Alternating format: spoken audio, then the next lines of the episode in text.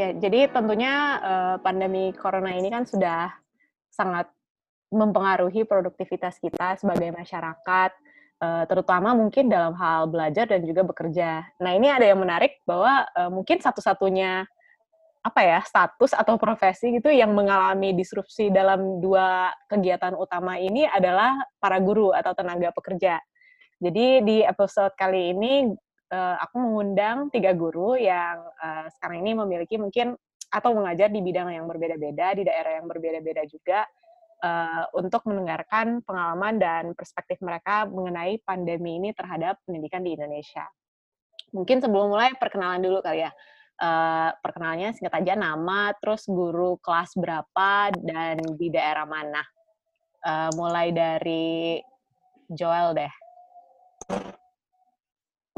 Oh ya, uh, nama saya, ya, nama saya Joel. Saya guru di salah satu sekolah swasta di daerah Tangerang. Um, dan saat ini saya mengajar um, biologi dan juga integratif biologi, biologi untuk kelas 10 dan 11. Ya. Oke, aku Indah dari uh, sekarang ngajar di Bandung, ngajar kelas 1 2 3 SD matematika. Aku Rucita, aku guru semi homeschooling di Surabaya. Aku ngajar sains. Nah, uh, pertama tuh aku pengen denger dulu sih sebenarnya pengalaman kalian selama ini mengajar di tengah pandemi itu gimana? Mungkin aku kurang tahu ya, mungkin yang sering kita lihat itu uh, kayak pembelajaran itu dilakukan secara uh, online atau um, apa istilah bahasa Indonesia daring ya. Dan tapi aku kurang tahu ya apakah yeah. ini berlaku di semua daerah dan semua sekolah. Mungkin uh, dari masing-masing gimana gitu. Kalian selama ini melakukan pembelajaran jarak jauh lah. Uh, kalau di sekolahku sih uh, Ya, tentu model pembelajarannya daring gitu ya. Jadi kami menggunakan aplikasi WhatsApp sih untuk berkomunikasi. Tapi untuk pemberian tugas, terus apa eh, pengumpulan, hmm, itu yang kita buat apa peraturannya. Kan kalau semi homeschool ini kan anak-anaknya udah eh, terbiasa untuk belajar sendiri. Kemudian eh, buku cetak, kemudian apa lagi ya, kayak latihan-latihan dikerjakan worksheet, terus kuis, tes itu sudah ada dari kurikulum yang kita beli. Jadi uh, kami tidak membuat sistem yang baru lagi untuk mm. uh, apa soal-soal itu karena sudah ada. Jadi ketika ada COVID, kami meminta mereka untuk membawa semua kuis dan tes beserta buku-bukunya. Jadi orang tua yang pegang kuis dan tes. Jadi ikuti lesson plan yang sudah uh, kami ketik gitu. Jadi lesson plan itu mereka yang pegang. Jadi uh, kami uh, selama pembelajaran apa jarak jauh ini nggak ngajar mereka, tapi setiap mereka sudah selesai mengerjakan tugas yang diinstruksikan diinstruksikan di lesson plan itu, mereka tinggal foto uh, apa pakai WhatsApp, nanti kami koreksi gitu. Mungkin kalau semi homeschooling karena siswanya sedikit, jadi nggak terlalu sulit ya. Saya sendiri pegang empat anak. Dari total keseluruhan siswa di sekolah saya itu 22 jadi nggak terlalu apa uh, beban untuk ngajar mereka karena jumlahnya sedikit dan sistemnya itu sederhana gitu. Ya itu dari saya. Dan mungkin kalau yang aku tangkap karena memang pada dasarnya sekolahnya adalah kayak semi homeschooling, jadi mungkin uh, sudah at least lebih apa ya, lebih mudah untuk beradaptasi dengan uh, pembelajaran jarak jauh ini dibandingkan mungkin sekolah-sekolah lain kali ya. Ya, um, karena di sekolah pun juga uh, jadi posisi apa mejanya mereka itu ngadep ke tembok gitu. Kalau sekolah tradisional kan ngadep ke guru. Kalau sekolah homeschooling, tapi nggak tahu ya homeschooling yang lain kayak gimana. Uh, kalau di tempat aku sih itu dihadapin ke tembok supaya siswa itu fokus untuk belajar baca sendiri, kerjain tugas sendiri sih. Jadi guru itu uh, apa sebagai fasilitator yang apa ya dukung siswa untuk melaksanakan tanggung jawabnya kalau ada kesulitan ya bantu tapi selama dia masih bisa ya sudah nanti dia kerja sendiri mungkin uh, kalau uh, sistem homeschooling itu kan cukup banyak yang sudah familiar tapi kalau semi homeschooling ini mungkin hmm. bisa jelasin singkat aja kali ya uh, bedanya sama homeschooling full homeschooling sama hmm. semi hmm, hmm. homeschooling itu apa oh ya uh, apa mungkin apa mungkin di sekolahnya Kak Rucita itu udah pernah online juga sebelumnya? Iya. nggak pernah. Kami kami nggak pernah oh, online. Okay. Uh, eh, kenapa makan semi homeschooling? Biasanya kan homeschooling kan di rumah-rumah hmm. gitu. Jadi mungkin guru datang ke rumah atau gimana. Tapi karena uh, semua siswanya ini dikumpulkan dalam satu tempat, tapi mereka belajar sendiri. Hmm. Untuk itulah dinamakan semi homeschooling gitu. Berikutnya Kak Indah. Laksanaannya kurang lebih mirip sama sekolah lain. Kita tiap pagi kasih yang namanya action plan. Jadi dari mata pelajaran matematika misalnya hari ini mereka nonton video jadi videonya bisa dari YouTube atau kadang-kadang aku sebagai guru juga bikin terus nanti mereka bikin tugas mereka submit tugas uh, bisa lewat WA atau lewat hangouts. Nah, karena kan aku kan working sama anak-anak kecil kan, jadi kayak kami harus lebih fleksibel gitu. Um, gak semua anak-anak kan melek teknologi ya, masih kecil banget kan. Jadinya yang udah lancar pakainya pakai WA ya udah kumpul pakai WA yang bisanya pakai hangout pakai hangout. Yang bisanya pakai email pakai email. Apa pun yang mereka bisa dan orang tuanya bisa. Karena yang menarik ternyata orang tua orang tua tuh kadang-kadang ada juga yang nggak familiar sama aplikasi-aplikasi zaman sekarang. Bahkan waktu itu tadinya tuh kan sekolah pengennya kita pakai Google Hangout sama Google Meet. Itu tuh ada yang kesusahan juga uh, antara loginnya kayak gimana lah, installnya kayak gimana lah gitu. Jadi kami akhirnya fleksibel, apa pun yang mereka bisa pakai mereka pakai gitu. Kalau dari Joel sendiri di sekolah kamu gimana? Apakah sama aja atau ada yang berbeda mungkin yang secara signifikan? Kalau misalnya Kak Indah sama Kak Rucita kan itu memang dia uh, beda. Maksudnya saya coba dari perspektif SMA dengan pengalaman saya di SMA Uh, sebenarnya kalau mau bicara online learning di sekolah um, kita di sekolah uh, saya juga itu sudah kita sudah pernah menjalankan online learning, tapi tidak sepenuhnya intensitasnya sama seperti saat ini memang. Karena memang tujuan kita itu untuk supaya anak itu bisa independen ya kan? Jadi online learning di kita itu sudah sudah mulai. Sebenarnya online learning itu sama halnya dengan blended learning kan pertemuan guru dengan um, siswa itu lewat dunia maya, ya kan? Kalau yang sekarang sedang berjalan. Jadi karena kita sudah pernah menjalankan online learning, le, online learning, um, secara teknis kita udah mulai bisa begitu. Kita udah mulai lebih dulu. Contoh, kita udah pakai, kita udah punya platform, kita pakai Microsoft Teams, kita punya Moodle, kita juga um, uh, dengan adanya Zoom juga bisa um, dunia maya jauh lebih uh, bisa mempertemukan lah ya guru dengan uh, siswa itu. Nah, ketika misalnya muncul pembelajaran di rumah, jadi anak-anak sudah sudah mulai terbiasa. Cuman memang uh, transisi dari pembelajaran biasa dengan online learning itu yang agak cukup kesulitan, ya kan? Karena kan mungkin yang biasanya anak-anak di sekolah, walaupun mereka mungkin bosan, tapi kan ada teman-teman excited mereka belajar. Cuma kan kalau online learning jauh lebih mereka interaksi dengan sesama pun secara live, secara langsung itu kan um, minim sekali. Jadi um, uh, agak cukup punya be, apa punya beban besar untuk transisi dari pembelajaran biasa ke online learning sama seperti um, saat ini. Jadi selama online learning ini ya kita kita kita bilang itu sebagai independent online learning.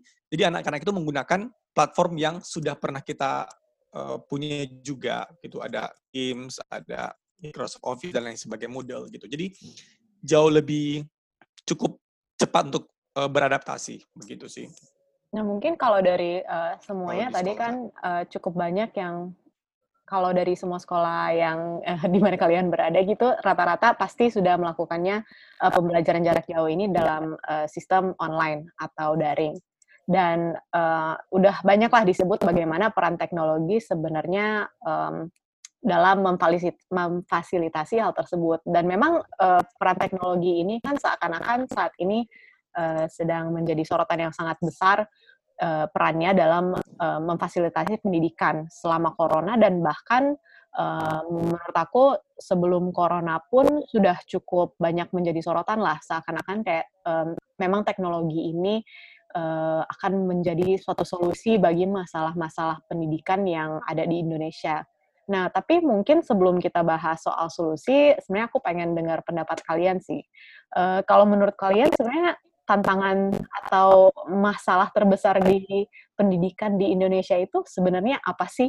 Uh, terkhususnya mungkin selama corona ini terjadi. Nah, aku nggak tahu mungkin apakah um, menurut aku ya kalau misalnya suatu masalah itu mau dia akar kalau dia benar-benar akar masalahnya baik uh, ketika pandemi ataupun tidak pandemi gitu pasti akar masalah ini ada terus kan uh, mungkin tantangannya berbeda aja gitu konteksnya. Nah, mungkin dari uh, Kak Indah dulu deh. Uh, menurut Kak Indah sebenarnya tantangan terbesar atau masalah terbesar akar masalah pendidikan di Indonesia itu apa sih sebenarnya? Dan mungkin yang lain bisa uh, along the way bisa jump in juga kasih pendapatnya. Tantangan pendidikan di Indonesia yang paling gede kalau menurutku um, gimana ya pendidikan yang mungkin kayak memaksakan sekedar kognitif terus cuman kamu yang penting bisa penjumlahan tanpa anak-anak bisa punya kesempatan uh, aplikasikan memang penjumlahan buat apa ya. Kalau kita ngomongin penjumlahan sih itu itu sangat applicable gampang. Tapi kan uh, mostly ada banyak pelajaran-pelajaran yang dipaksakan anak-anak tuh kayak sekedar doang gitu loh. Nggak nggak tahu mereka tuh bisa nanti pakai konsep ini di dunia nyata kayak gimana kayak gitu sih menurutku tantangannya. Um, tapi kalau bedanya ketika ini sekarang ada corona bukan masalah yang itu tadi lagi sih tapi lebih ke gini nih kalau anak kecil ya aku sih percayanya masih hands on learning untuk anak-anak kelas 1 2 3 SD jadi banyakan yang mereka bisa pegang pakai tangan, langsung mereka juga bikin-bikin um, pakai tangan mereka supaya apa ya supaya kayak nggak cuman skill knowledge-nya doang, nggak cuman pengetahuannya doang yang terbentuk, tapi itu juga motorik, kemudian sosio emosional ketika berelasi sama teman-teman. Karena aku lihat ini misalnya mereka nih sama-sama anak kelas satu gitu ya sama-sama ngerjain sesuatu. Eh ketika ngelihat punya temennya lebih bagus eh jelek tiba-tiba dia nangis karena merasa dia tidak bisa memberikan yang terbaik gitu. Kayak dia merasa aduh kenapa punya aku kayak begini? Kayak gitu. Jadi ini hal-hal yang um, menjadi tantangan ketika lagi masa-masa PSBB seperti ini. Karena mereka kerja di rumah nggak bisa interaksi sama teman-teman dan aku tuh nggak bisa banget nih kasih hands on material yang biasanya aku kasih ke mereka. Mereka cuma bisa nonton dari video kan. Aduh itu struggle banget di situ. Gitu. Yang lain gimana teman-teman yang mungkin uh, kalau dari kalau dari tadi kan dari sisi primary primary education artinya dari um, SD begitu. Kalau di saya di SMA tantangannya itu sebenarnya lebih ke arah eh, bagaimana memastikan kalau anak itu memahami konsep yang yang dipelajari ya? Kalau misalnya eh, eh, primary kan tadi dibilang tentang hands on cuman memang kalau di SMA itu lebih ke arah um, apakah mereka itu paham dengan konsep atau mereka tuh hanya tahu factual knowledge-nya.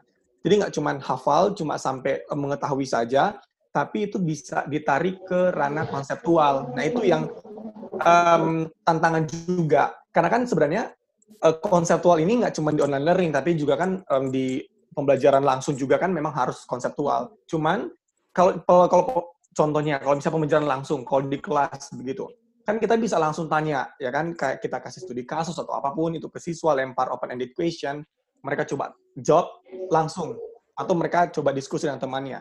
Tapi kalau misalnya di dalam situasi yang seperti ini, um, tantangannya itu ketika misalnya contoh, uh, dikasih so soal studi kasus, kan kita nggak bisa memastikan mereka tuh paham atau enggak. Kan Google itu banyak sekali informasi.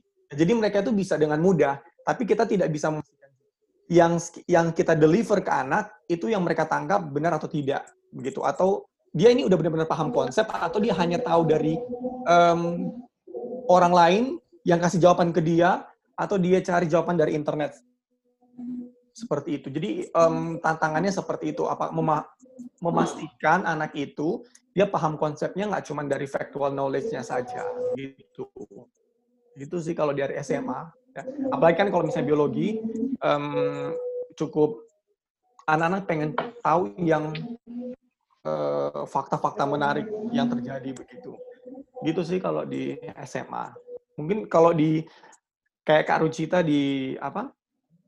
Um, Home. homeschool kan beda juga kan um, tantangannya.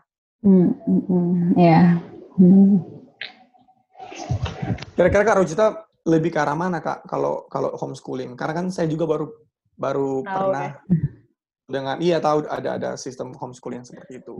Apalagi dengan hmm. kan udah punya udah punya baku kurikulum kan, tinggal dijalankan begitu. Mm, iya. Cool. Ya, memang kalau uh, sebelum COVID ya, maksudnya dari kelemahan sistem homeschooling dulu. Uh, homeschooling ini karena mungkin sekolah kami membeli kurikulum, jadi uh, sudah sudah tek gitu. Jadi kami nggak nggak ada nih. Oh misalnya ujian ini, ayo kita buat kayak gini.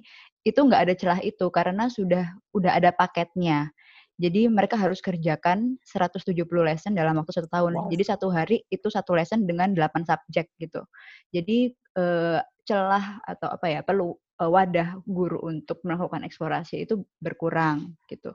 Tapi ya di sisi lain uh, siswa jadi berusaha untuk menemukan pengetahuannya sendiri, bagaimana cara dia belajar dan mengerti bagaimana cara dia mengetahui.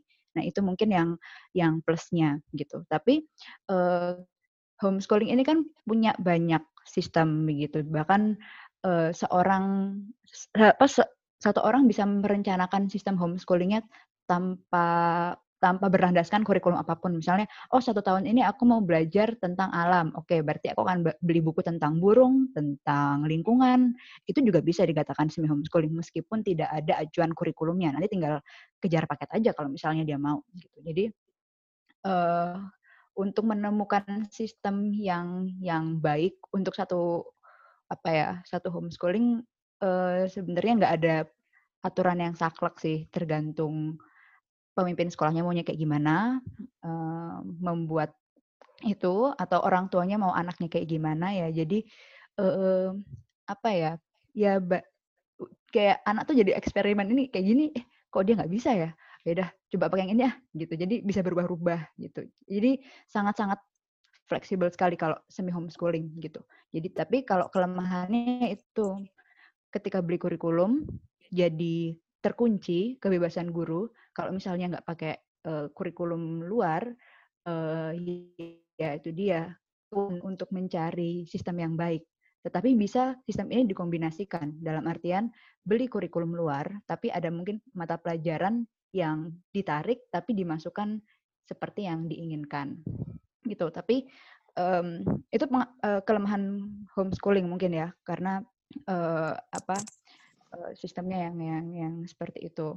Tapi kan karena saya sekolahnya semi homeschooling itu, kemudian berkomunikasinya ketika pandemi ini hanya WhatsApp saja, ya sulit sekali sih sebenarnya me, apa, mem, mengetahui sejauh mana pemahaman anak, jujur apa enggak gitu. Tapi ya sudahlah, ini kan ibaratnya ya bencana, jadi kita kembalikan lagi ke orang tua. Toh tugas pendidikan yang utama itu ada di mereka. Jadi ya ya terserah Anda mau mau anaknya seperti apa. Yang penting sekolah sudah membantu kan kita cuma mitra gitu. Ada pendidik utama yang yang seharusnya lebih uh, mengerti anaknya. Tapi kalau berbicara tentang hari tahu nggak hari kedua di Indonesia, oh, belum. Ya, ya, ya, gimana gimana? Nggak, nggak, nggak, ini intermezzo doang. Jadi hari kedua kami online learning. ada satu orang tua ngomong ke kami. Jadi dia tuh anaknya dua cowok, kelas dua sama kelas tiga. Nah, dua-duanya aku hmm. ajar kan. Yang ngomong sama kami, Miss, kami udah pusing banget. Ini kapan ya kira-kira corona berakhir dan bisa mengembalikan mereka ke sekolah? Di kayak orang tuanya udah baru dua Titipan. hari. Iya. Lanjut tapi kayaknya, tapi kayaknya nggak cuma primary sih itu Kak Indah. SMA pun bahkan itu merasakan hal yang sama Iya, itu semua. semua. Tapi mungkin kalau tadi um, aku tarik dari tiga-tiga pendapat kalian ya. Hmm. Rata-rata itu mungkin benang merahnya yang aku lihat adalah masalah kurikulum. Um, yang pertama mungkin uh, dalam hal pandemi ini lebih ke bagaimana menyesuaikan kurikulum yang sudah ditetapkan gitu. Kalau kurikulum di Indonesia sendiri kan setahu aku ya, ini maksudnya tolong koreksi kalau aku salah gitu, tapi hmm. yang aku tahu ada kayak semacam apa sih uh, kurikulum dasar atau apa sebutannya kompetensi dasar yang uh, mungkin harus menjadi acuan bagi uh, pendidikan atau sistem-sistem pendidikan sekolah-sekolah di Indonesia gitu. Nah sebenarnya tapi kalau aku dengar tadi kan uh, ada beberapa uh, penyesuaian lah atau adaptasi, adaptasi terutama dari uh, kayak Kak Rucita yang uh, aku mengajar sorry sorry aku boleh mau tau nggak? Aku mau boleh boleh. Eh, sorry sorry ini aku mau tambahin. Sebenarnya aku belum selesai. Oh iya. um, jadi jadi kan tadi pertanyaannya apa masalah masalah yang yang terbesar begitu kan? Yes. Dari apa uh, pendidikan Indonesia baik selep apa baik sebelum uh, pandemi maupun sesudah pandemi yaitu kesenjangan uh, apa pendidik kesenjangan kualitas pendidik itu yang yang yang paling parah sih um, apa ya sebagus apa pun kurikulumnya tapi kalau misalnya pendidiknya itu nggak bertanggung jawab untuk menggunakan itu ya sama aja. Oke, misalnya K13 itu bagus. Tapi ada beberapa guru di luar daerah sana yang ternyata nggak menggunakan apa ya kurikulum K13 itu dengan baik. Ya udah asal ngajar aja yang penting eh, kadenya tercapai. Nah, kalau di kota mungkin enak karena banyak akses uh, apa informasi gimana sih cara ngajar atau ada komunitasnya. Tapi kalau guru-guru di, di daerah susah banget, susah banget. Kayak ibaratnya gini, apa um, infrastruktur di sana kan masih belum terbangun dengan baik ya, terutama daerah-daerah yang pinggir-pinggir. Dulu saya uh, ngajar lima tahun di NTT dan beberapa kali sering ke daerah-daerah yang ya apa sangat remote sekali remote area. Um, untuk mencapai sekolah aja kalau misalnya musim hujan itu sangat sulit sekali karena kalinya itu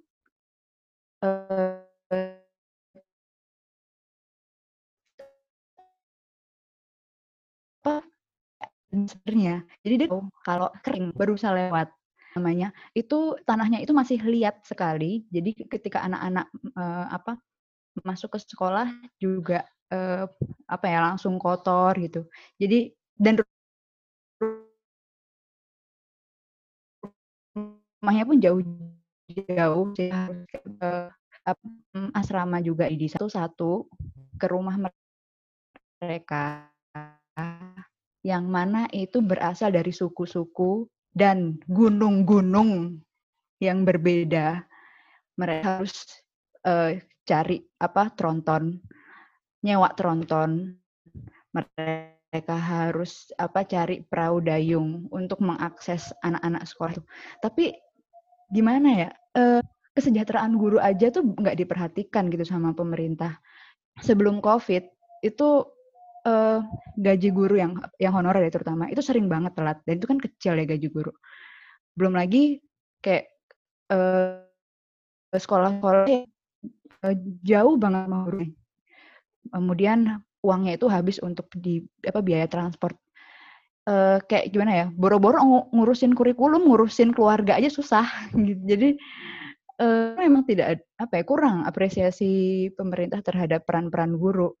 Boro-boro kayak mikirin mungkin kalau kita mah enak ya masih muda tinggal di kota ya bisa cari-cari sumber pelajaran cari-cari metode kalau sekolah-sekolah daerah tuh kalau guru senior gitu ya. Yang penting ya keluarga aman dulu deh, aman dulu. Itu pun kalau misalnya aman, kalau nggak aman ya ya habis waktunya untuk urus keluarga segala macam. Ini kita belum ngomongin Papua ya. Papua itu kemarin ditelepon sama teman saya di, di Kimaam. Satu kelas uh, itu jumlah anaknya 40 sampai 70. Satu guru yang pegang anak laku oke okay lah masuk ke sekolah itu dengan uh, rentang usia yang sama. Begitu kelas 2 itu susah banget untuk naik kelas. Jadi banyak banget kelas 5 itu umurnya 17 tahun ke atas sampai sekarang. Oh. Ketika pandemi kelas 5, kelas 4 itu itu apa yang diajarin? Belajar baca. Belajar baca itu susah banget. Dan tuh guru-guru pergi ke satu tempat ke tempat lain. Maksudnya uh, berbicara tentang apa masalah pendidikan pendidikan di Indonesia tuh aduh banyak banget boro-boro buat ngomongin kurikulum gitu. Ya itu masih sedikit sih mungkin ya. Masih yeah. banyak lah hal-hal lain dari dinasnya lah. dinasnya yang kurang kooperatif. Aduh banyak banget ya pokoknya. ya memang ya, uh, sama memang ini sih mungkin ya. Ya silakan. Yang gimana? Oh, satu memang lagi. maksudnya sekarang oh, iya. ya hmm. silakan silakan Kak. Kesadaran orang tua gitu.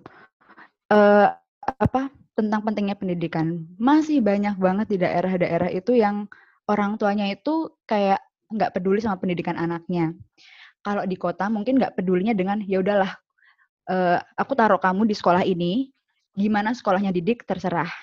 Atau ada di yang di daerah-daerah ini, di daerah-daerah lain, uh, sekolah itu nggak penting. Jadi uh, mau dia masuk sekolah, mau dia bolos, ya nggak nggak apa-apa anak saya nggak apa-apa karena sekolah itu nggak penting dan ini masih banyak banget ditemukan seperti ini gitu. Jadi mindset orang tuanya yang masih belum bisa menil, apa, menilai sebuah pendidikan itu seharusnya tanggung jawab siapa sih? Bukan sekolah kok sebenarnya tanggung jawabnya mereka.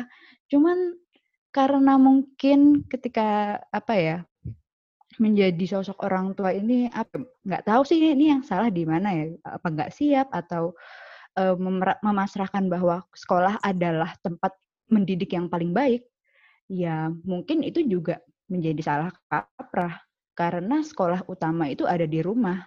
Tapi seberapa besar orang tua yang tahu tentang ini? Jadi senjangnya itu bukan senjang di pendidik sekolah, tapi yang lebih parah itu senjang di tingkat kesadaran orang tua tentang pendidikan itu sebenarnya tanggung jawab siapa sih?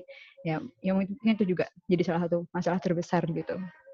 Ya memang betul sih. Maksudnya kayak sama sama kayak pernah saya baca begitu um, artikel yang bilang memang kalau negara yang punya luas luas apa itu luas negara itu yang punya besar banget itu memang masalahnya itu kompleks banget nggak cuma satu sektor tapi berbagai macam sektor. Sektor ekonomi lah sektor pendidikan apalagi.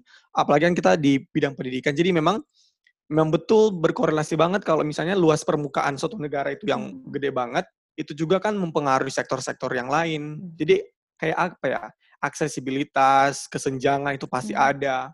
Sama kayak di kelas juga kan kalau misalnya uh, dengan kelas 30 orang satu kelas dibandingkan dengan kelas yang cuma lima orang akan jauh lebih mudah untuk men, untuk um, handle yang lima orang ini dibandingkan dengan yang 30 gitu. Hmm. Cuma memang agak, agak sedikit apalagi dengan apa yang Kak Ruci tadi bilang dari beberapa daerah gitu. Dan yang mirisnya itu yang kemarin temanku apa telepon itu yang dari Papua itu Uh, jadi laporan ke dinas RPP unit plan itu mereka ng ngikutin K13. Mereka rajin buat RPP. Ngikutin K13, tapi dalam pelaksanaannya mereka ngajarin baca sederhana. Jadinya kayak gini loh, kayak gimana sih? Kenapa kayak... bisa gitu? Maksudnya apa dinas kayak nggak mau tahu nih? Harus kumpul yang sesuai K13, nggak mau tahu. Betul sekali. Sejak kapan dinas kita peduli? oh. oh. yang di Jawa aja ke, yang di Jawa aja aku nggak yakin dinas. Itu perhatian sama apa setiap satuan pendidikan ya yang di Jawa. Ini yang di Papua apa kabar? Yang mereka lihat kan cuma kertas kertas kertas. Bukti kalau sekolah itu oke okay, bisa beroperasi kalau misalnya mereka memenuhi kriteria ini ini ini ini. Tapi mereka nggak lihat kebutuhan lapangan karena udah dikunci sama kurikulum K13 itu. Hmm. Ya.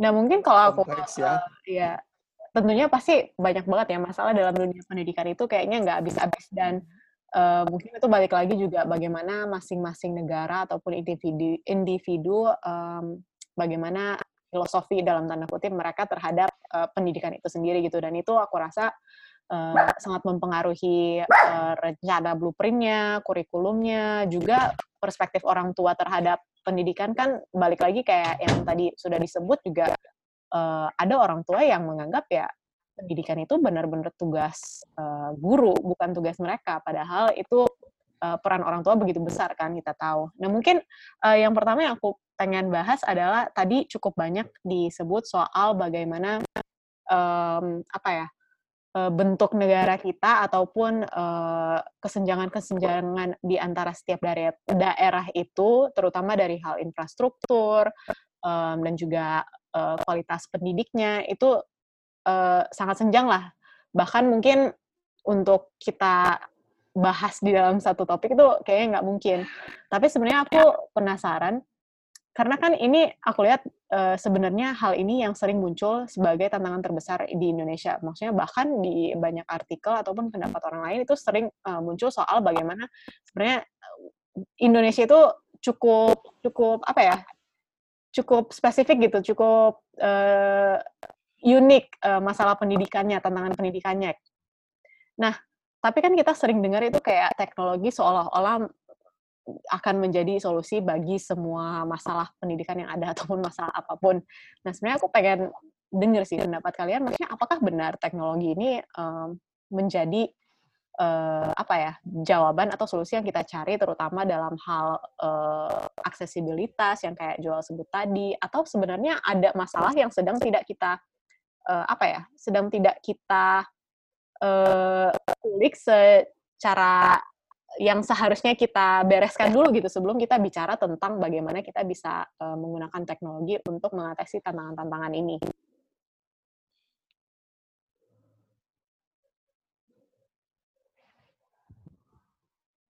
Ya. Kalau menurutku sih teknologi kan cuma alat ya, jadi um, harusnya ya yang yang lebih diperhatikan si siapa yang akan memanfaatkan alat tersebut.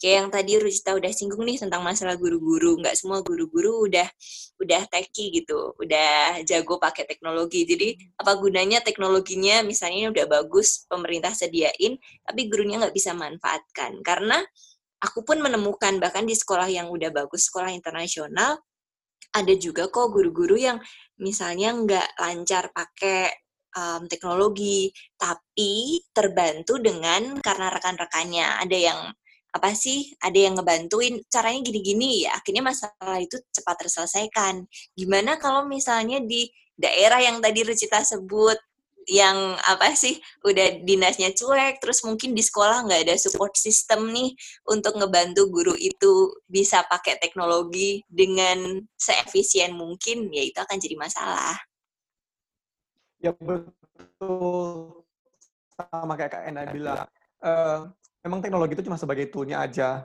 Cuman memang di sekolah juga kita perlu support sistemnya juga sih sebenarnya kayaknya deh. Kayak um, pasti kalau misalnya satu sekolah kita berhadapan dengan pergumulan yang ya dalam tanda kutip hampir mirip. Ya, karena kan kita berhadapan dengan anak-anak yang hampir sama, begitu. Jadi dengan adanya support sistemnya juga, itu bisa tukar pemikiran, kita bisa tahu um, dia pakai metode seperti apa untuk solve itu permasalahan, atau uh, bisa dapat insight yang baru lah ya nyelesain masalah. Karena kalau misalnya alasan-alasan teknis itu kan bisa bisa dibantu ya kan gara-gara ada support system ini. Nah ini yang maksudnya um, support system ini yang cukup menolong sebenarnya kalau di pembelajaran selanjutnya. Bagaimana sekolah menyediakan wadah ini begitu. Apalagi kalau misalnya yang di daerah-daerah yang permasalahan itu teknis banget gitu.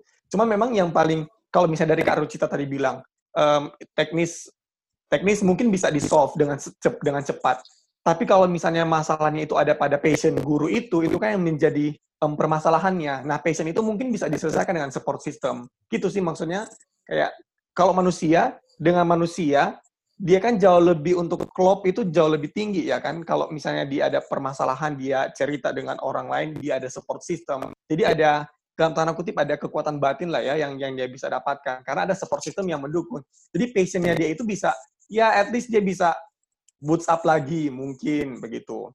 Dibandingkan misalnya udah udah bagus banget tapi gurunya aja nggak nggak punya passion untuk ngajar, nggak punya nggak um, punya pemi, apa pola pikir yang bagus, gimana pendekatan dengan siswa, gimana pendekatan dengan menggunakan teknologi, kayaknya gitu.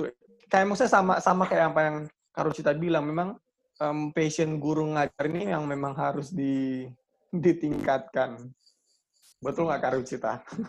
Iya, betul. Ini semoga Mas Menteri dengerin podcast ini ya, atau siapa pun yeah, jajarannya. Amin, yang amin. Yang sudah sangat terobsesi dengan teknologi. nah, itu ya. sih yang menjadi pertanyaan aku, karena kalau yeah. aku lihat uh, teknologi ini saat, atau apa ya, teknologi dalam bidang pendidikan khususnya itu kayaknya fokus banget untuk bukan mereplace guru ya, tapi um, lebih fokus uh, terhadap menjadikan uh, at, edtech ini platform untuk menyebarluaskan informasi ataupun um, ya informasi sih secara lebih mudah gitu dan secara lebih meluas.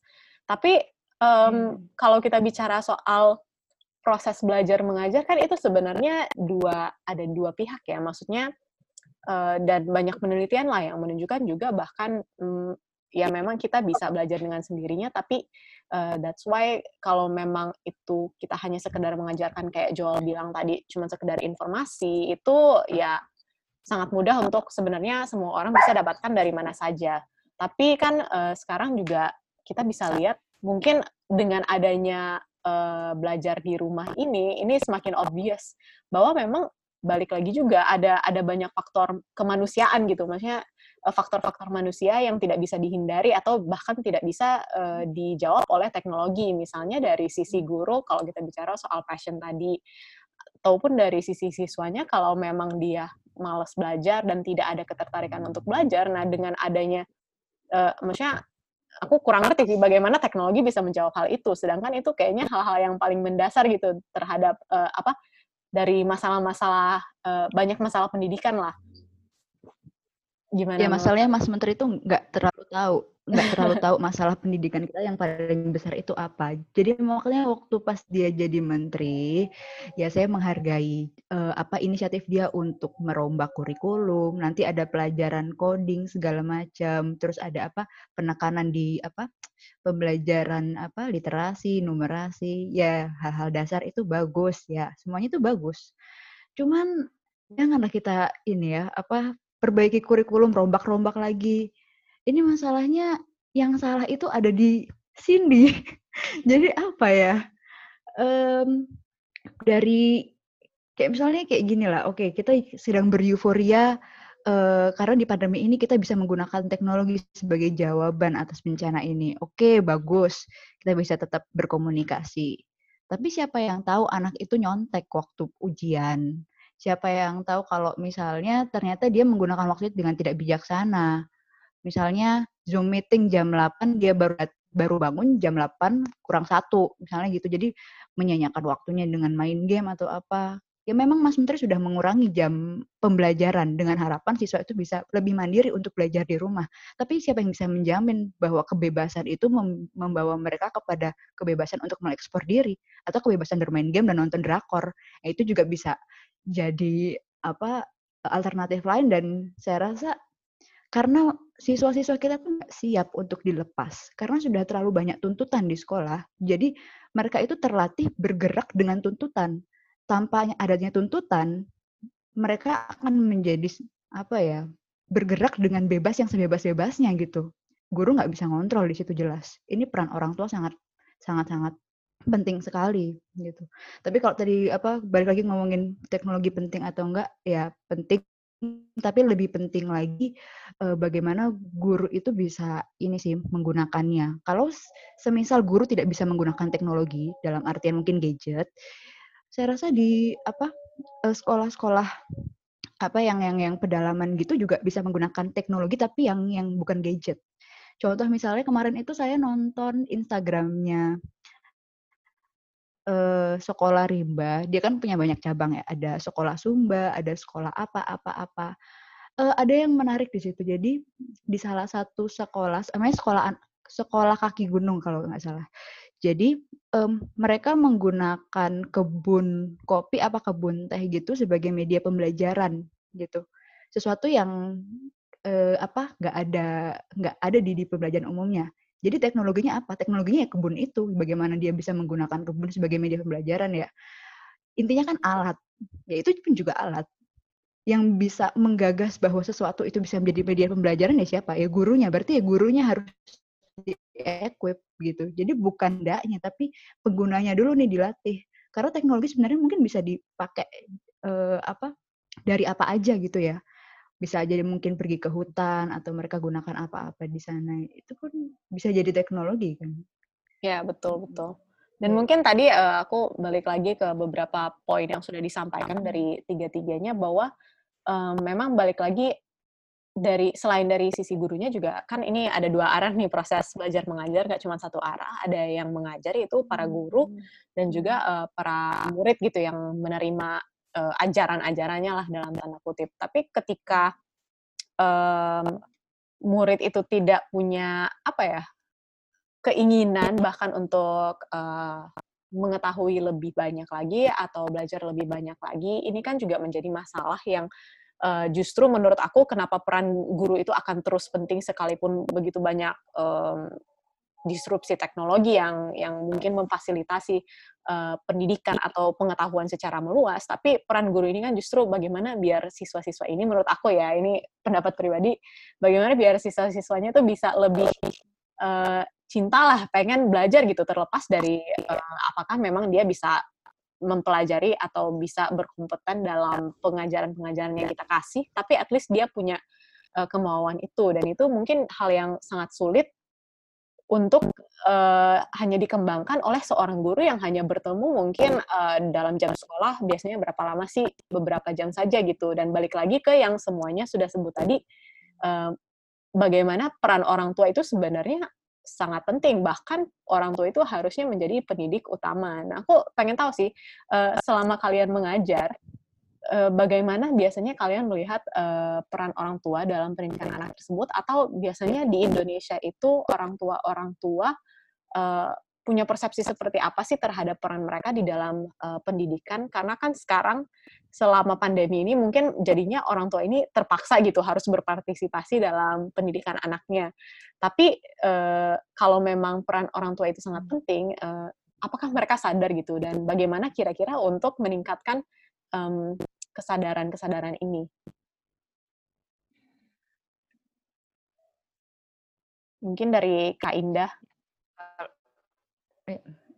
Kalau di tempatku sih orang tuanya cukup sadar ya, karena di uh, dari background orang tuanya juga yang pendidikannya juga tinggi-tinggi gitu. Jadi presentase kesadaran orang tua sih menurutku cukup tinggi.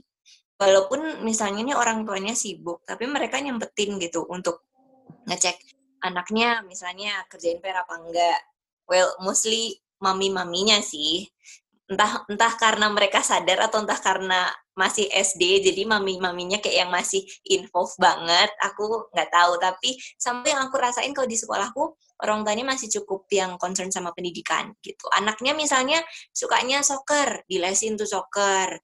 Anaknya sukanya musik dilesin piano kayak gitu.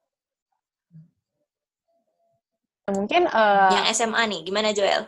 Ya, soalnya kan mungkin dari sisi institusi pendidikannya Kak Indah pun uh, apa ya tergolong kayak mungkin menengah ke atas kali ya Kak.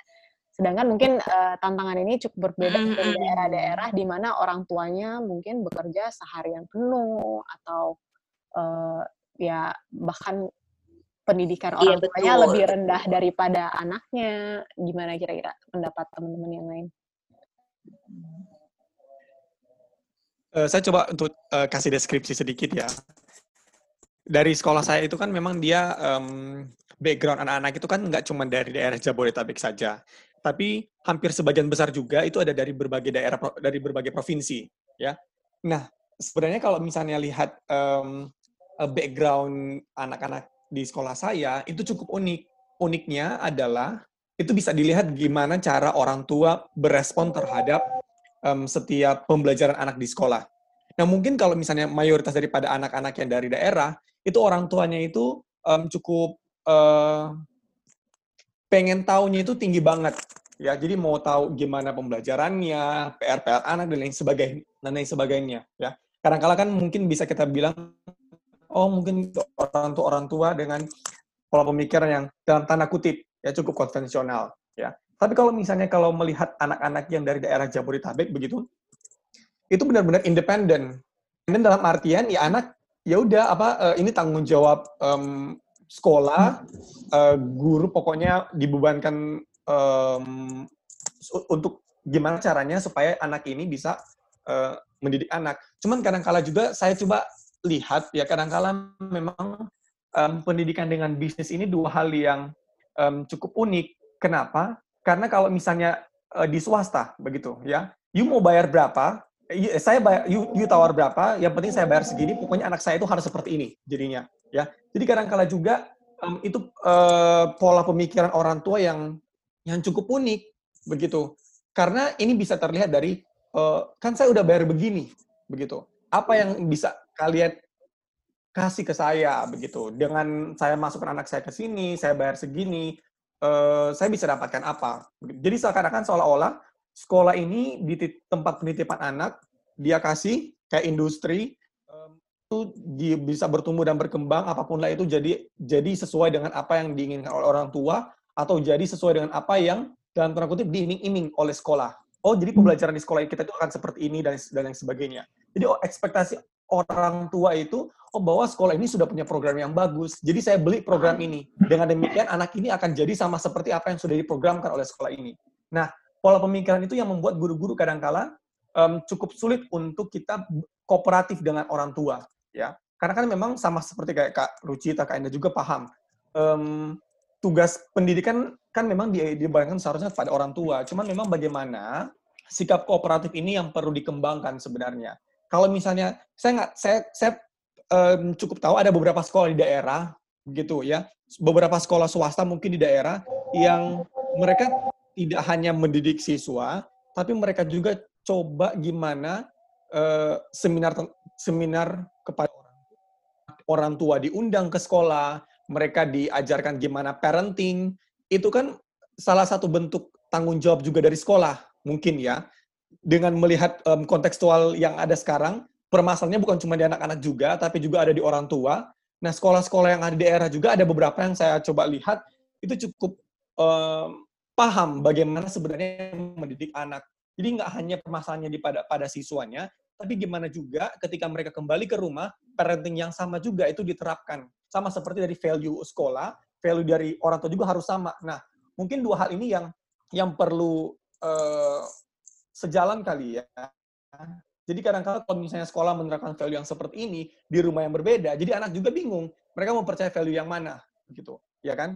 Apal dan ini memang terlihat banget kalau anak-anak yang dari mungkin dari daerah dan juga dari Jabodetabek kurang lebih seperti itu sih kalau misalnya ya memang harus ada kooperasi eh, kooperasi sih antara sekolah dan juga si orang tua begitu.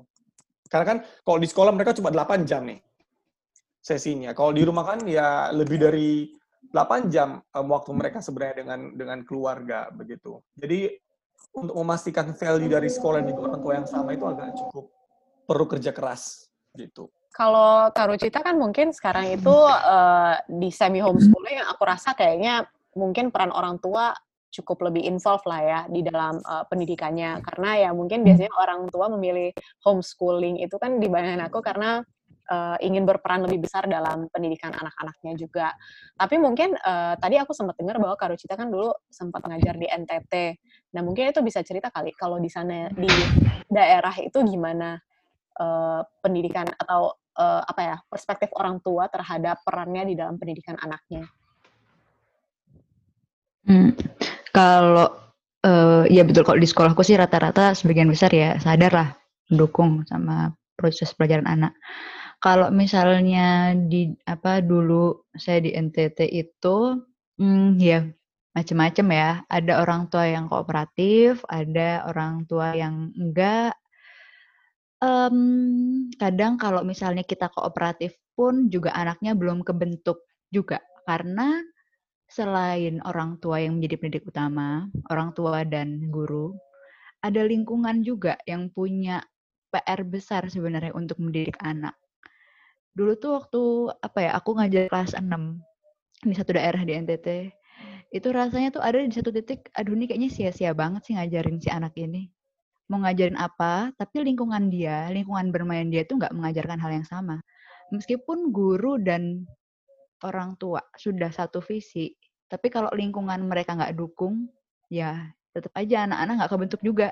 Jadi memang PR pendidikan ini kalau apa sih ada di pepatah Afrika ya katanya pekerjaannya satu kampung gitu, satu kampung yang harus gerak gitu, semuanya yang harus sokong pertumbuhan atau uh, apa uh, ya pertumbuhan seorang anak. Nggak bisa kita pasrahkan ke institusi pendidikan atau ke orang tua saja, tapi lingkungannya masih kayak gitu. Padahal dia sehari-hari hidup di lingkungan, bukan hanya nempel di orang tua atau sekolah saja. Jadi hmm, pertanyaan uh, apa untuk refleksi juga ya untuk untuk ya kita secara bangsa, apakah kita sudah menyediakan wadah yang baik untuk siswa itu bertumbuh. Bagaimana kondisi uh, media kita, maksudnya media sosial kita, apakah sudah optimal untuk membuat mereka bertumbuh atau kondisi sosial masyarakat kita sudah membuat mereka bisa untuk memiliki pemahaman yang baik. Jangan sampai ya peraturan PSBB tapi ya udah uh, dilanggar aja. Lah kalau anak-anak kecil lihat gitu kok ada peraturan ini tapi kok masyarakatnya nggak nggak ikut. Oh jadi kalau misalnya kayak gitu bisa dilanggar ya? Bisa aja ada anaknya mikir kayak gitu. Jadi ya peran kita sebagai guru orang tua penting dan penting juga sebenarnya masyarakat juga. Dan itu uh, menarik sih karena mungkin kalau kita uh, refleksikan kembali ya sejarah pendidikan itu sendiri kan mungkin jam di awal mulanya itu nggak ada yang namanya sekolah gitu ya sekolah uh, resmi dan pendidikan ini dalam tanda kutip mungkin lebih uh, berarti bagaimana yang sudah lebih tua, lebih dewasa dan lebih uh, lama tinggal hidup di bumi itu uh, membagikan atau menyalurkan uh, pengetahuan-pengetahuannya, skill-skillnya untuk uh, bertahan hidup utamanya kepada uh, anak-anaknya. Dan itu biasanya yang aku tahu itu kan di dalam kayak suatu apa uh, secara komunitas gitu mereka melakukan itu. Dan sekarang mungkin memang udah berbeda ya uh, pendidikan yang kita bicarakan sering kali itu uh, balik lagi kepada sekolah, gedung fisik dan juga guru, antara guru dan murid saja yang berpartisipasi di dalam sekolah itu setiap harinya. Tapi uh, menarik sekali tadi semuanya teman-teman pada uh, bring up soal bagaimana harus ada semacam visi yang sama lah tentang untuk pendidikan anak itu sendiri agar uh, memang bisa benar-benar maksimal bukan hanya dari guru, dari siswa, dari uh, tenaga administrasi di sekolah, pemerintah, tapi juga sebenarnya orang tua dan bahkan uh, komunitas sekitarnya gitu. Nah, uh, mungkin aku pengen tanya lebih dalam sih. Tadi kan beberapa kali juga udah pada bukan menyinggung apa ya menyebut-nyebut juga soal bagaimana peran pemerintah kita saat ini dalam menangani coronavirus inilah terutama bagaimana kita meresponi uh, untuk melanjut, me, melanjutkan uh, pendidikan terhadap anak-anak kita. Nah, kalau dari uh, teman-teman sekalian sebenarnya menurut kalian apa sih yang kurang gitu atau apa sih yang seharusnya dilakukan pemerintah tapi saat ini sepertinya belum dilakukan dan mungkin uh, ya semacam usulan lah gitu untuk pemerintah bagaimana bisa uh, memaksimalkan masa pandemi ini agar uh, pendidikan anak-anak itu bisa tetap berjalan dan secara ini ya secara nasional mungkin. Kalau per individu kan agak sulit gitu tapi apa sih sebenarnya yang perlu dilakukan? Dan dari sisi guru mungkin dari perspektif guru sebenarnya apa sih yang dibutuhkan guru-guru uh, support seperti apa agar bisa um, ya lebih lancar dan tentunya lebih apa ya aku kurang tahu mungkin ini juga teman-teman bisa bagikan sekalian gitu. Apakah selama selama uh, mengajar lewat online ini justru lebih stres atau lebih lebih baik gitu, lebih nyaman untuk kalian. Dan ya sebenarnya apa sih support seperti apa gitu intinya yang guru-guru butuhkan selama masa pandemi ini? Nah, kalau aku karena swasta jadinya udah bisa independen dari pemerintah nih. Kita kan kurikulum juga pakai kurikulum luar gitu. Terus kalau sistem juga kita nggak ngikutin dari pemerintah. Jadi kayak um, sorry to say, bukan sorry to say. Tapi secara kenyataannya kalau di sekolah aku sendiri, kayak peran pemerintah tuh kayak nggak terlalu nampak dan tidak terlalu diperlukan gitu. Enaknya sih kita bisa ya set set cara kita sendiri gimana kita mau conduct this online learning, gimana ke depannya itu enaknya lebih di situ sih. Gitu. Itu dulu. Yang lain dulu gimana? Kayaknya kalau misalnya bilang peran pemerintah, Uh, sama juga, maksudnya sekolah saya juga sistem dan lain sebagainya itu kita tidak terlalu bergantung kepada pemerintah. Cuman um, terima kasih juga buat pemerintah karena mereka juga bisa kasih kebebasan buat siap sekolah itu ngembangin sendiri sistem dan juga mekanismenya, kurikulumnya. Ya, jadi ada apa ya open money juga dari pemerintah yang dia kasih kepada sekolah-sekolah yang mungkin um, punya itu namanya apa ya jenjang-jenjang khusus ya, Dikbud oh kalau sekolah ini oh mereka boleh independen dan lain sebagainya. Nah mungkin ada beberapa sekolah yang belum independen sekolah-sekolah yang lain begitu. Oh betul ya, kayak cuman, yang Papua tadi kali ya bahkan ketika mereka sehari-harinya masih ngajarin baca tulis tapi secara tertulis mereka harus Jadi mereka masih tidak bebas secara tertulis, adminnya masih harus ngikutin K13 yeah. gitu ya. Betul. Oh, iya. Kayaknya kontekstualisasi itu harus harus dipahami oleh pemerintah. Betul. Kayak mm. kalau misalnya tahun depan kan nggak ada UN nih tapi mereka hmm. akan ada apa itu ya kak um, assessment ujian kompetensi ya, ya ujian kompetensi assessment gitu ya. Oh, ya assessment kompetensi saya tuh hmm. beberapa lihat soal-soalnya contoh-contoh soalnya kan itu kan hmm. memang nggak nggak spesifik kayak kalau hmm. dulu matematika aljabar dan lain sebagainya integral dihitung dan lain sebagainya cuma kan ini lebih ke arah um, studi kasusnya nah yang jadi permasalahan adalah uh, jangan sampai soalnya itu ataupun uji pemahamannya itu nggak konteks dengan pembelajaran anak-anak mungkin yang ada di di daerah remote area begitu. Jadi kan nggak nggak tercapai kan maksudnya. Jadi kayaknya memang harus kontekstualisasi ini harus dipahami oleh pemerintah gimana cara solve permasalahan. Karena karena kayak kontekstualisasi guru individu yang paling utama, yang paling yang paling apa itu frontliner lah ya. Dia kan yang benar-benar paham gimana anaknya anak-anaknya di kelas. Jadi gimana caranya dia ngembangin pembelajarannya dia itu kontekstualisasi dengan anak-anaknya yang dia ada. Contoh misalnya saya ya, saya di SMA, saya mungkin mengajar kelas ada beberapa kelas paralel even itu kelas paralel, tapi kan beda-beda konteks anak-anaknya. Entah itu kognitifnya um, gimana cara uh, uh, levelingnya berbeda ataupun um, cara belajar anak-anak di kelas ini berbeda. Tapi kan karena saya jauh lebih memahami konteks daripada pembelajaran anak-anak itu, jadi saya dengan mudah untuk gimana caranya desain pembelajaran. Kurang lebih begitu sih kalau misalnya dari skala kecil ya, maksudnya um, guru punya independensi untuk memahami konteks pembelajaran desain mm-hmm. dan nggak nggak akan apa itu target kurikulum gitu gitu sih kayaknya ya. Ya, mau ngelanjutin aja sih dari Joel bener banget. Sebenarnya kita harus berterima kasih juga sama pemerintah buat ngasih kita kebebasan untuk apa bereksplorasi um, apa menerapkan segala sistem kurikulum di sekolah masing-masing. Cuman kalau kebebasan tapi tidak dalam pengawasan itu ya juga jadi tidak bertanggung jawab gitu pemberian pembebasannya, terutama untuk sekolah-sekolah yang uh, di daerah-daerah yang jarang banget dapat pembimbingan dari dinas. Sorry-sorry aja ya dinas ini ya. Kalau kasih pembimbingan itu apa sih? Aduh. Coba mungkin mungkin Karusita Udah. Karusita mungkin bisa kan mungkin orang-orang yang dengar ini um, kurang paham nih gimana sih cara mereka membimbing gitu. Mungkin bisa dikasih contoh. Yeah. Contohnya seperti apa, seperti yeah. apa begitu. Oke, okay, salah satu ya, salah satu pelatihan dari dinas yang saya ikuti. Salah satu pelatihan uh, apa menggunakan teknologi Google Form. Oke, okay, semua guru sudah tiba.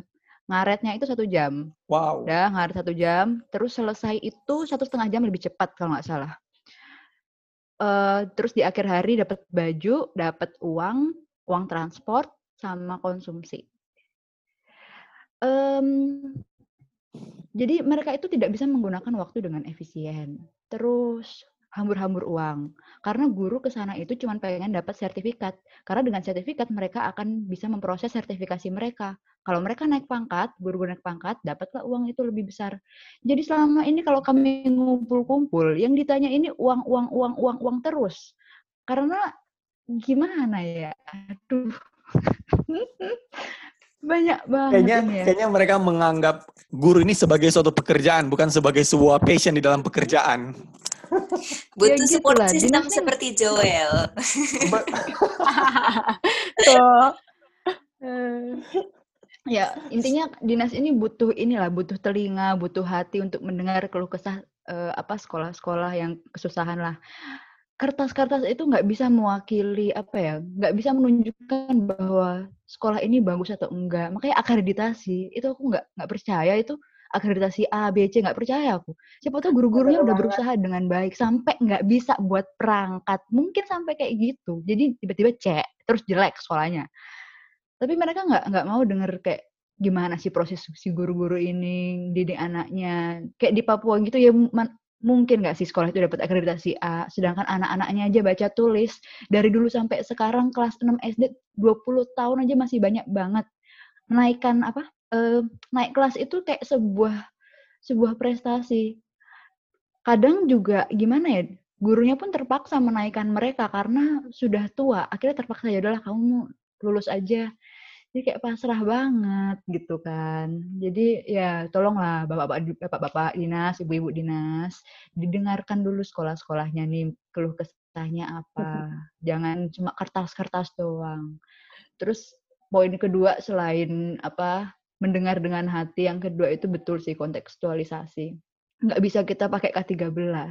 Harus ada kurikulum. Oke lah mungkin pakai K13, tapi harus digeneralisasi gitu. Apanya ya? Mungkin karena topik-topik yang ada di K13 pun nggak menjamin membentuk seorang anak yang memiliki pengetahuan yang kaya gitu. Maksudnya kita perlu re refleksi juga di K13 kita. Jangan rombak lagi, rombak lagi, tapi isi konten ini sebenarnya udah oke okay belum sih?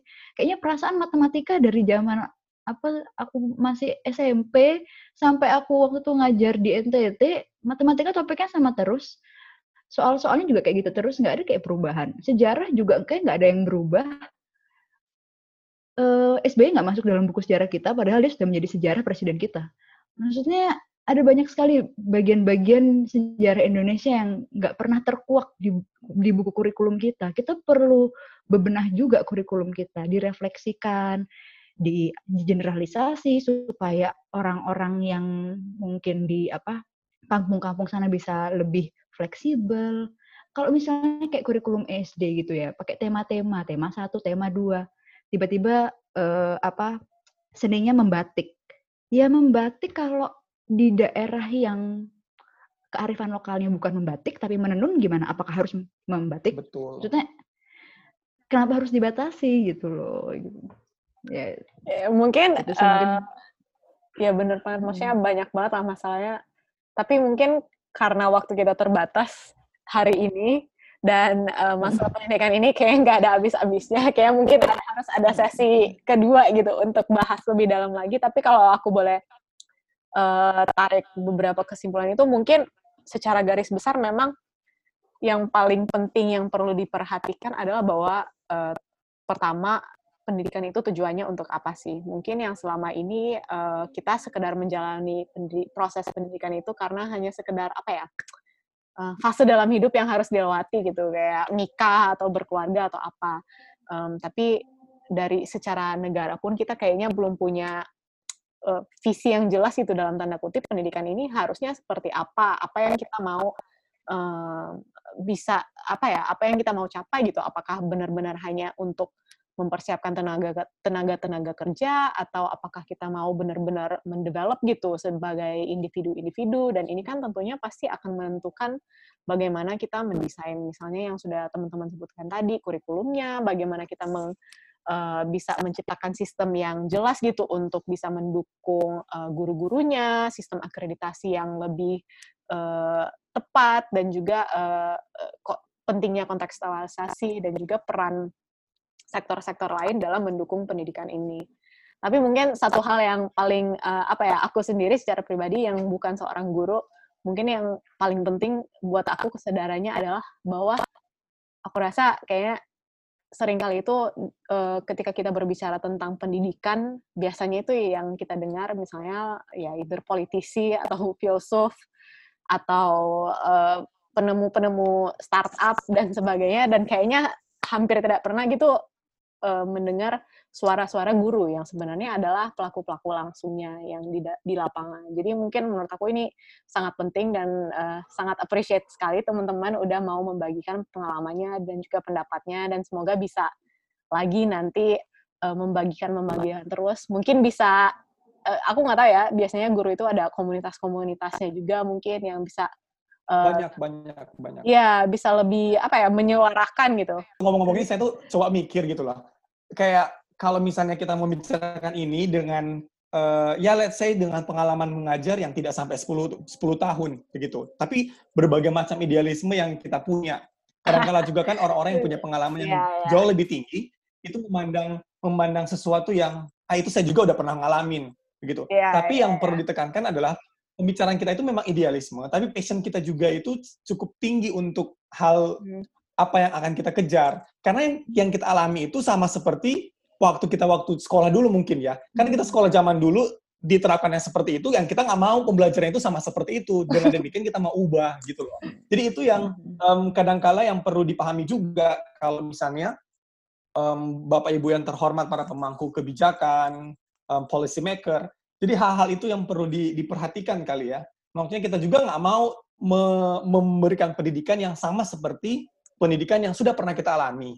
Jadi kan kan perkembangan selalu ada. Hmm. Jadi um, perkembangan apa itu yang harus kita sesuaikan. Nah, idealisme kita dan apa ya jiwa muda kita yang membara asik untuk pendidikan itu yang perlu um, diperhatikan gitu kali ya Tadi oh, tuh gitu. aku tergeliti ketika Kathy ngomong semoga kalian tetap mau jadi guru gitu. Gimana kalau nggak mau jadi guru? Gimana kayak kayak kalau kayak Joel gitu kan mau jadi Menteri Pendidikan 2024? Amin. Menghentikan itu dong. Amin. Ya, itu aja. Semoga ya, semoga ya Joel. Terlalu muda, terlalu muda. Gak apa-apa. Bukan Mas Menteri, deh. Menteri. Ah, jadi dia Menteri, menteri. bukan Mas Menteri lagi. Dia Menteri ya tiap tahun makin muda, eh tiap periode makin muda gitu menteri pendidikannya. uh, iya sih, uh, mungkin kita terlalu apa ya idealis atau gimana, tapi ya kita harus berkaca dari sesuatu yang ideal supaya bisa mengukur kita sudah sampai mana gitu. Saya mengapresiasi sih banyak banget perubahan yang dilakukan oleh Mas Menteri ya. Itu salut banget TVRI sekarang wih gila. Udah mantep banget program-programnya kemudian ada apa website Kemendikbud teman-teman kalau lihat itu detail sekali data-datanya tapi nggak tahu ya itu seberapa besar akurasinya cuman itu detail sekali bahkan ada satu satu laman di website mereka kalau kamu jadi menteri pendidikan kamu akan mengalokasikan dana seperti apa itu seru banget sih Terus kalau misalnya salah alokasiin, sistem itu akan menarik. kasih tahu, wah kamu ini terlalu banyak di sini gini gini. Wah, menarik gitu saya baru menarik, tahu. Menarik, sama baru tahu. Bapak Jol mungkin bisa ini ya, berlatih nyusun anggaran. Enggak kayaknya. Sudah mulai terbuka juga. Jadi sebenarnya banyak banget kemajuan yang sudah dilakukan oleh Mas Menteri ini. Saya sangat mengapresiasi. Kemudian saya juga sudah lihat ya banyak sekali komunitas-komunitas guru, terus ada banyak sekolah alternatif. Ya itu bisa jadi solusi juga untuk bantu pendidikan kita. Karena pemerintah nggak bisa kerja sendiri, harus dari kita gitu. Nah masalahnya eh, teman-teman pendidik kita ini banyak sekali. Nah uh, Indah atau Jo atau saya atau Kathy mungkin bisa tularkan semangat untuk mendidik ini ke teman-teman di dekat-dekat kita supaya uh, apa rantai semangat ini tuh nggak putus. Terutama untuk teman-teman mungkin yang ada di daerah terpencil mereka butuh support system begitu. Oke lah Mas Menteri bikin sekolah penggerak itu sebuah usaha yang sangat baik. Ya tapi saran saya sih tetap uh, libatkan komunitas guru perkecamatan yang sudah pernah ada sebelumnya MGMP gitu-gitu supaya uh, apa uh, ke, apa ya kebijakan yang baru ini sekolah penggerak itu tidak memunculkan masalah yang baru favoritasi favoritisasi sekolah gitu jadi uh, usaha yang dilakukan sudah ada ya tinggal dilanjutkan dan digerakkan terus saja gitu. ya sama kayak program presiden sekarang kan memang fokusnya lima tahun ini terhadap SDM-nya. Itu iya. semoga yeah. ya SDM-nya memang uh, programnya terjalankan gitu maksudnya.